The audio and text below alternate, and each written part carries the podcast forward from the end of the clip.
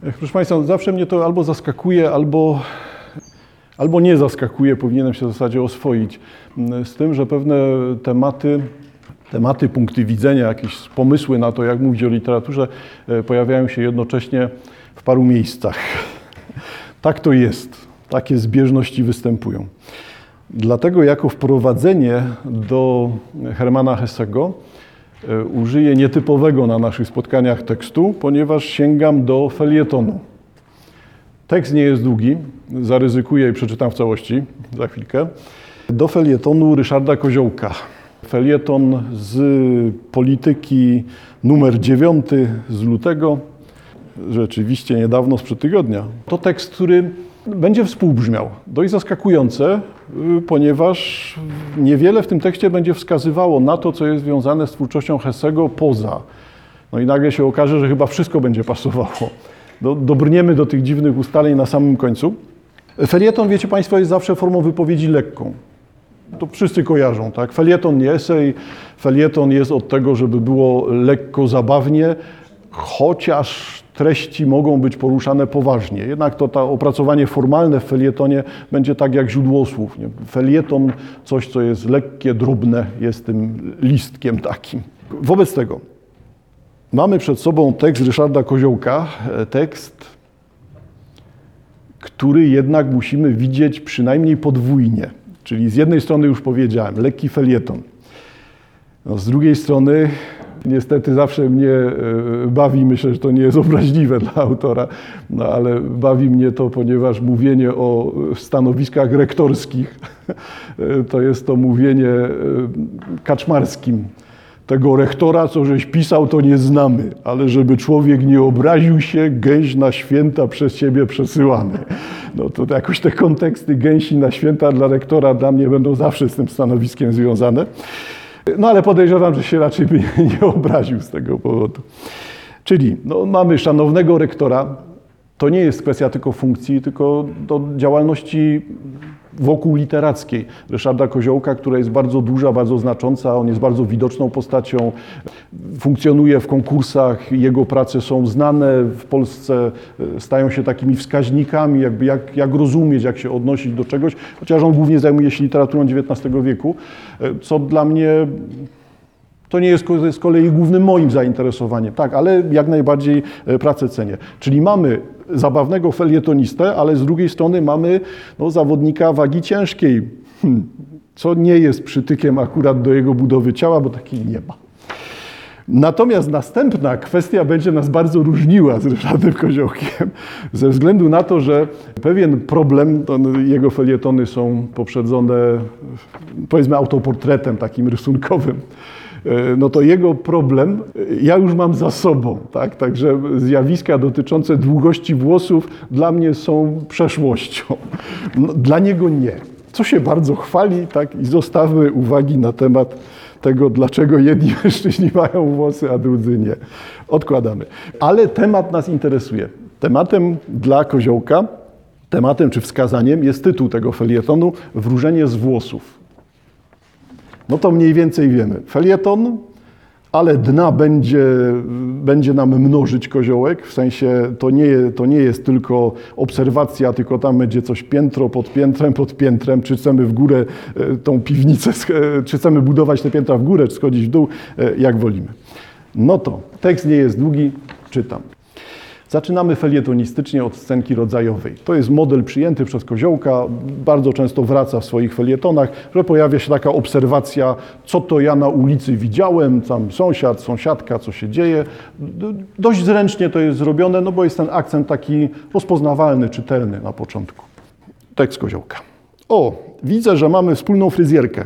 Zawołałem zaskoczony widokiem sąsiadki, z którą stanąłem twarzą w twarz w drzwiach zakładu. To przypadek. Jestem tu dopiero drugi raz. Nie znalazłam jeszcze fryzjera, u którego zostałabym dłużej niż na trzy cięcia. Za pierwszym razem się starają, potem już tną i farbują byle jak. A pan już po? Bo jakoś nie widać, żeby coś ubyło, zapytała z przekąsem.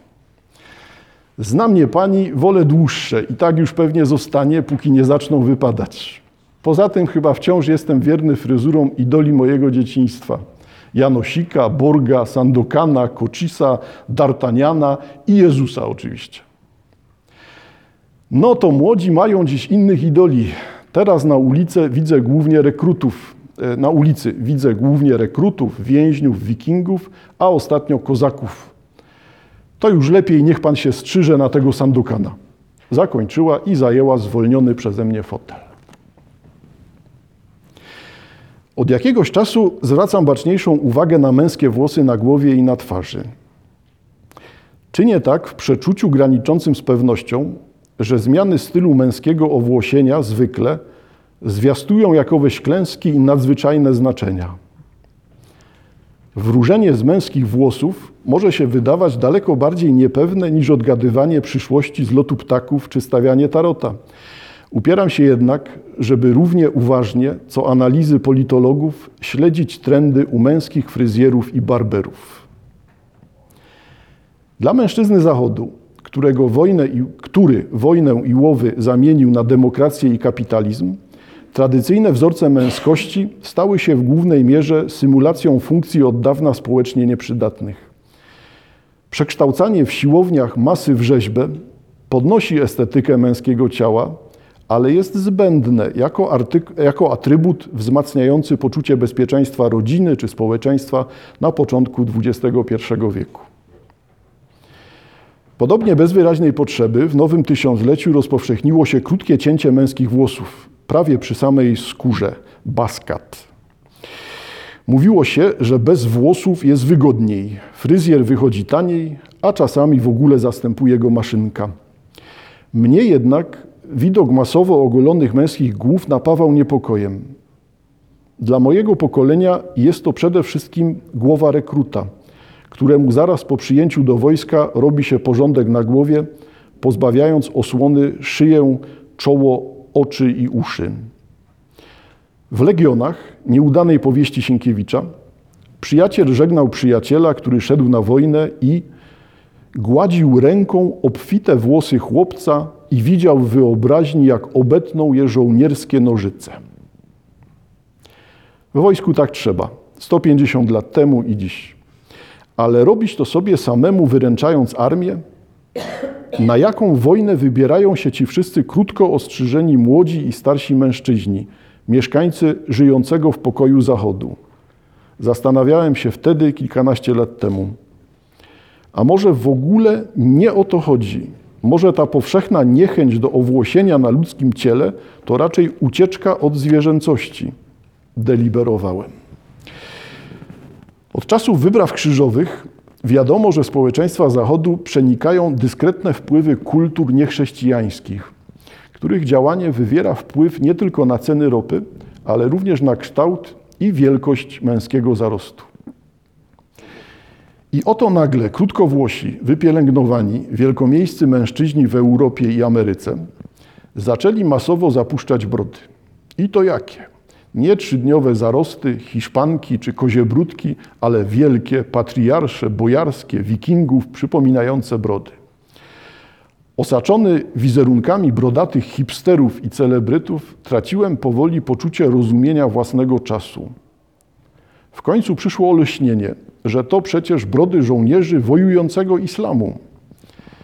Przejęte następnie przez walczących z nimi amerykańskich żołnierzy jednostek specjalnych dla kamuflażu, ale i dla popisu.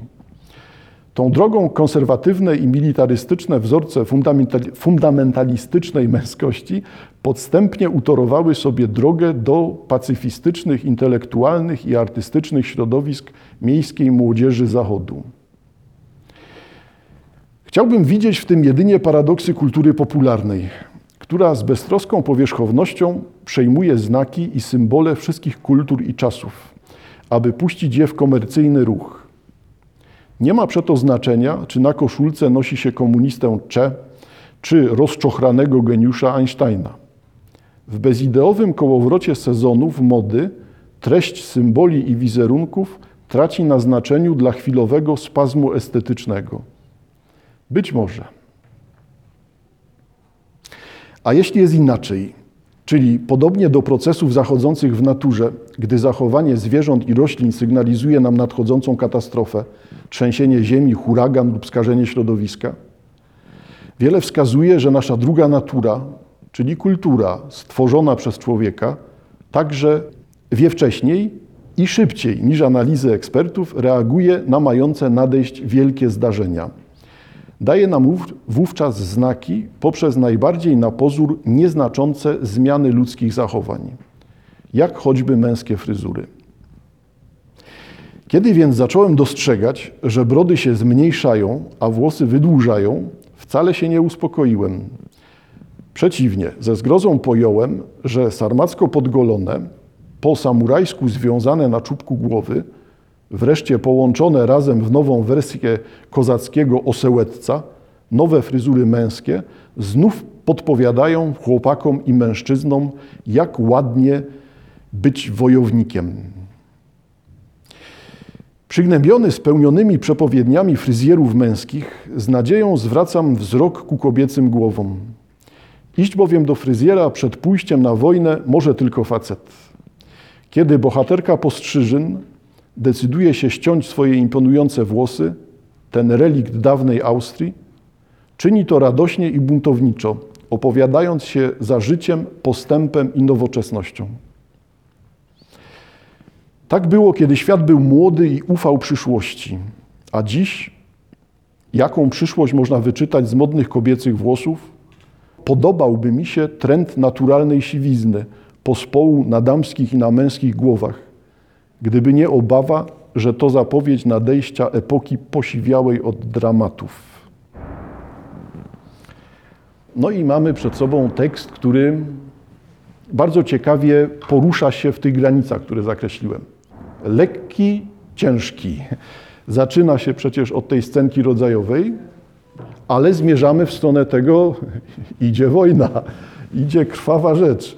No tutaj dla mnie nie jest interesująca sama technika, uznaję ją, widzę na czym ona polega, widzę jak sprawnie jest przeprowadzona, ale jednocześnie też sam czytam ten tekst jako, no zaryzykuję, udawany felieton.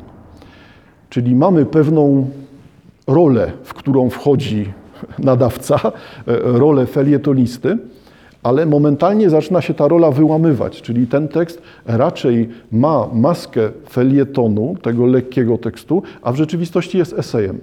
Nawet nie chodzi o to, ile tu jest cytatów. Ja nie mówiłem, co jest cytatem, czy nie, co nie.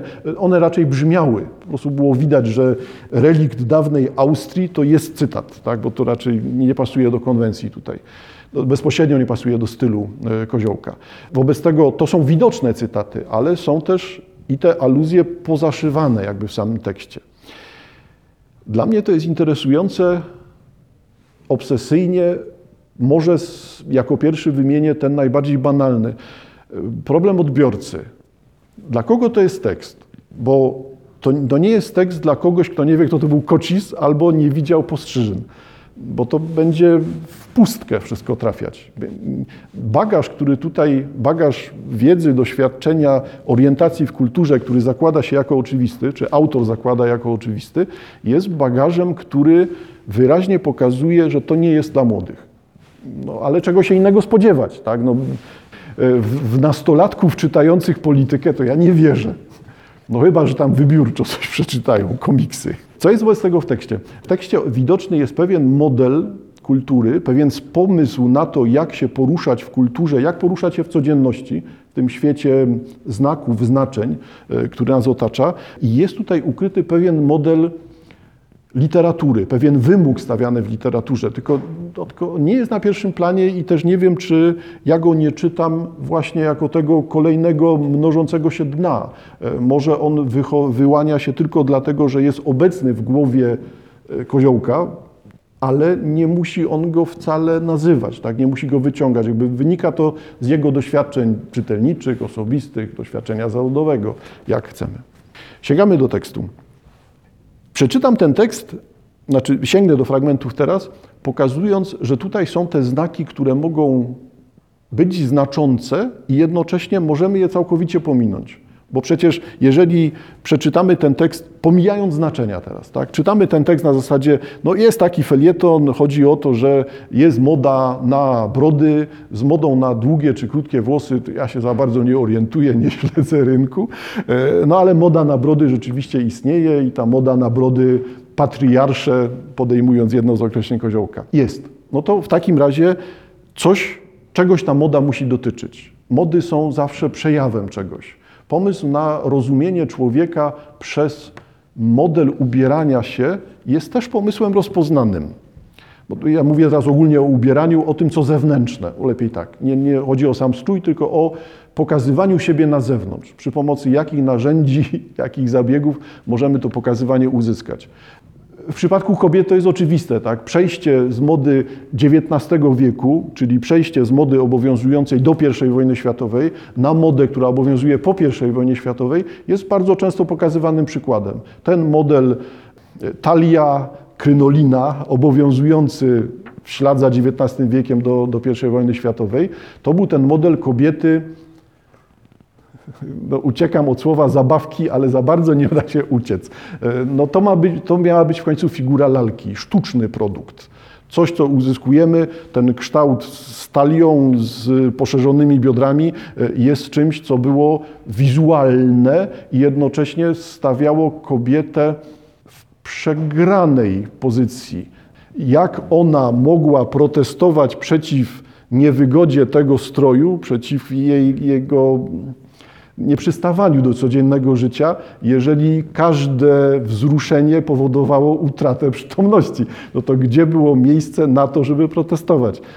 To akurat jest w tych częstych analizach, tak? czyli jakby zablokowanie e, przez suknię tego typu z talią wciętą przez gorset, no zablokowanie możliwości poruszania klatką piersiową, w sensie nabrania oddechu, skutkuje tym, że kobiety oddychają tylko szczytami płuc. Wobec tego, oddychając tylko szczytami płuc, cokolwiek się dzieje, to mdlejemy. I to jest ta malownicza rzecz z literatury XIX wieku. Wszystkie panie zawsze mdleją. No to nie dlatego, że były bardziej wrażliwe, no tylko dlatego, że były, no właśnie. No i teraz jak powiem, że były poddane większej opresji, no to przecież użyłem określeń, które wynikają już z, ze współczesności, wynikają z tego uwrażliwienia właśnie na e, role kobiece, role męskie w społeczności. No i na to, co do tej pory przez te set czy dziesiąt lat e, funkcjonuje dalej jako system przeciwko kobietom. Ale to dalej nie chodzi o te talie czy gorsety. Chodzi o to, na ile kobieta w tym momencie ulega zasadzie, która narzuca jej kostium, w XIX wieku. Ona musi chodzić tak ubrana, bo nie może inaczej. Tutaj oczywiście specjaliści od mody zaraz powiedzą, że pewnie, że się mylę, ponieważ podaję definicję z XVIII wieku, przenoszę na XIX. Ja nie jestem historykiem mody, raczej chodzi o pewien, pewną zasadę, a nie, że w romantyzmie były modne suknie luźne. No były, odkładamy. Naprawdę zagadnienie znowu się robi bardzo duże. Wobec tego można pokazywać siebie przez to, co zewnętrzne, ale na dwa sposoby. Albo mieszczę się w tym, co zostaje mi narzucone, w konwencji, która mnie zmusza do czegoś, albo decyduję się na to, żeby pokazywać to w nieograniczony sposób. Bo, tak, bo chcę tak, a nie, że tak, bo mi nie wolno inaczej, bo muszę coś robić. E, czyli pokazywanie siebie na zewnątrz przez strój istnieje. Wobec tego koziołek ma rację, patrząc na to, że typ fryzury męskiej, czy broda krótsza, dłuższa i tak dalej, będzie rodzajem ekspresji tego, pokazywania tego, co wewnętrzne, ujawniania tego, co wewnętrzne, w znaku zewnętrznym. Co prawda, chodzenie do zakładu fryzjerskiego, w którym są obsługiwane i kobiety, i mężczyźni, może być jednakowoż rozumiane znowu w dziwny sposób. To znaczy, to jest wyrazem, ta scenka rodzajowa u koziołka, to jest wyrazem tego nieistnienia współczesnej różnicy między kobietą i mężczyzną i formami ekspresji, czy, czy nie. Bo mężczyźni mają męskie zakłady fryzjerskie. No więc ja rozumiem, że kobiety może nikt nie wyrzuca z takiego zakładu, ale chyba tam żadna tak szczególnie z pań nie chce się wybierać do, do tego zakładu fryzjerskiego, który ma zapis, że to jest fryzjer męski i kropka. Czyli ten nasz osławiony barber, chyba szeroko rozumiany nie tylko od brody, tylko właśnie jako fryzjer męski współcześnie. Tak też intuicyjnie bardziej rozpoznaję. Wobec tego, y, dlaczego ta scenka Czego jest znakiem ta scenka? Czy ona pokazuje równość, zacieranie różnic i jednakowe prawo do ekspresji zewnętrznej? Czy ona pokazuje feminizację całości społeczeństwa, czyli jeżeli nie jesteś po stronie kobiet, to jesteś tym złym? To, że kobiety są po stronie kobiet, zakładamy jako oczywistość, tak? To też jest uproszczenie, rozumiem, ale zakładamy jako oczywistość. W tym momencie mężczyzna, który przeprowadza, pokazuje siebie, dokonuje tej ekspresji, ale w taki sposób, że czyni ona z niego całkowicie odrębną postać, czy to jest gest przeciwko kobietom, czy nie. Wizualnie tak. Wobec tego e, rozdzielenie fryzjerów na damskich i męskich jest pogłębianiem różnicy między kobietami a mężczyznami. Tutaj mamy sytuację, chodzą do tego samego fryzjera. Tylko ja dalej się niepokoję, czy, znaczy mnie to niepokoi, czy zastanawia, może lepiej tak, to nie jest powód do niepokoju, czy to chodzenie, podkreślone chodzenie do tego samego fryzjera i podkreślone zajmowanie tego samego fotela, zajmowanie fotela, jed... póki jeszcze był ciepły, tego nie ma w tekście, tak, ale chodzi o tą natychmiastową zmianę. On wstaje, ona siada. No to w takim razie ta scenka pokazuje, że tej przepaści nie uda się pokonać. Możemy robić co chcemy, a i tak zostajemy odrębnymi światami, kobiety, mężczyźni. Czy to jest scenka, która ma pokazywać, tutaj nie ma żadnej różnicy, ale nie ma żadnej różnicy dlatego, że i nagle mi wychodzi dlatego, że nastąpił upadek mężczyzn. Przez upadek rozumiem tutaj mężczyźni dają się wchłonąć przez kobiety. Jedyny obowiązujący model to jest ten model troski o to, co zewnętrzne, dbałości o wygląd. Ja wiem, że to jest znowu uproszczenie, no ale taka dbałość jest przypisywana kobietom, a znowu nie wiem, czy poprawnie, ale tradycyjnie, czy w większości przypadków takiej dbałości mężczyźni są pozbawieni. Jak mężczyzna wygląda niechlujnie, to oznacza, że może ma gorszy dzień, ale nikt go nie wartościuje w pierwszym odruchu, a w przypadku kobiet tak nie jest. Tak? Tam jest jakby ta tożsamość z wizerunkiem jest o wiele mocniejsza. Kobiety obchodzi wizerunek, bo jest on nieodłączną częścią, a mężczyźni są tutaj kulawi albo pęknięci, bo tradycyjnie rozdzielają to wyjdzie w samych majtkach na taras i się tam poskrobie, niech będzie, że po głowie wszyscy to widzą raczej dość obleśnie, a dla tego mężczyzny jest to całkowicie bezrefleksyjne, tak? nie widzi problemu. Mentalnościowo mamy całkiem inną kategorię, znowu mamy te przepaście, ale skąd to jest wzięte? Nie? Dlaczego kobiety mają taki model obowiązujący, mężczyźni inny? Czy tego typu rozważania są w tym fragmencie, czy ich nie ma? I znowu, one nie muszą być świadome, ale koziołek je uruchamia, bo opisuje to w taki, a nie inny sposób. Pewne rzeczy uznaje za oczywiste, a dla mnie pytaniem jest, dlaczego uznaje to za oczywiste? E, dlaczego lekkość pomiędzy, wracamy do wypowiedzi sąsiadki, lekkość pomiędzy przechodzeniem między ilościowymi wartościami jest taka, nie wiem, ulotna, albo taka właśnie jakby pokazywana jako nieistotna. Co mówi sąsiadka? To przypadek, jestem tu dopiero drugi raz. Nie znalazłam jeszcze fryzjera, u którego zostałabym dłużej niż na trzy cięcia. Za pierwszym się starają, potem tną i farbują byle jak. Pan już po. I teraz mamy zdania, w których występuje jedynka, dwójka i trójka. W kolejności trój, e, dwójka, trójka, jedynka. Wygląda na bez znaczenia. No ale znowu, czy rzeczywiście jest bez znaczenia? Czy przypadkiem to, co nie jest tu proponowane, zaszyte, ukryte, nie jest tą dyskusją, którą tutaj widać. Czyli do tej pory, co powiedziałem, ten tekst może być tekstem o świecie męskim i świecie, świecie kobiecym. Wa- Zawahałem się, dlaczego mi wyszli mężczyźni na pierwszym miejscu. Różnica pomiędzy światem kobiet i mężczyzn. I teraz konsekwentnie to jest w tym tekście. Bo wyraźnie pokazuje się, że gdyby, że za świat, który doprowadzi nas do siwych włosów, za świat groźny odpowiadają mężczyźni. Tutaj nie ma innych uwag. Świat wojen jest światem wyprodukowanym, wykonanym przez mężczyzn. Kobiet nie ma w tej części tekstu. Więc one są w opozycji do tego świata. Wyraźnie kobiety są tymi, które świat by zmieniały, uwalniały od wojen. Nigdzie to nie jest wprost napisane, ale tekst konsekwentnie pokazuje negatywnych mężczyzn. No tak, ale jest tekstem o fryzurach męskich, a nie kobiecych. No więc znowu, to tak jest czy nie jest?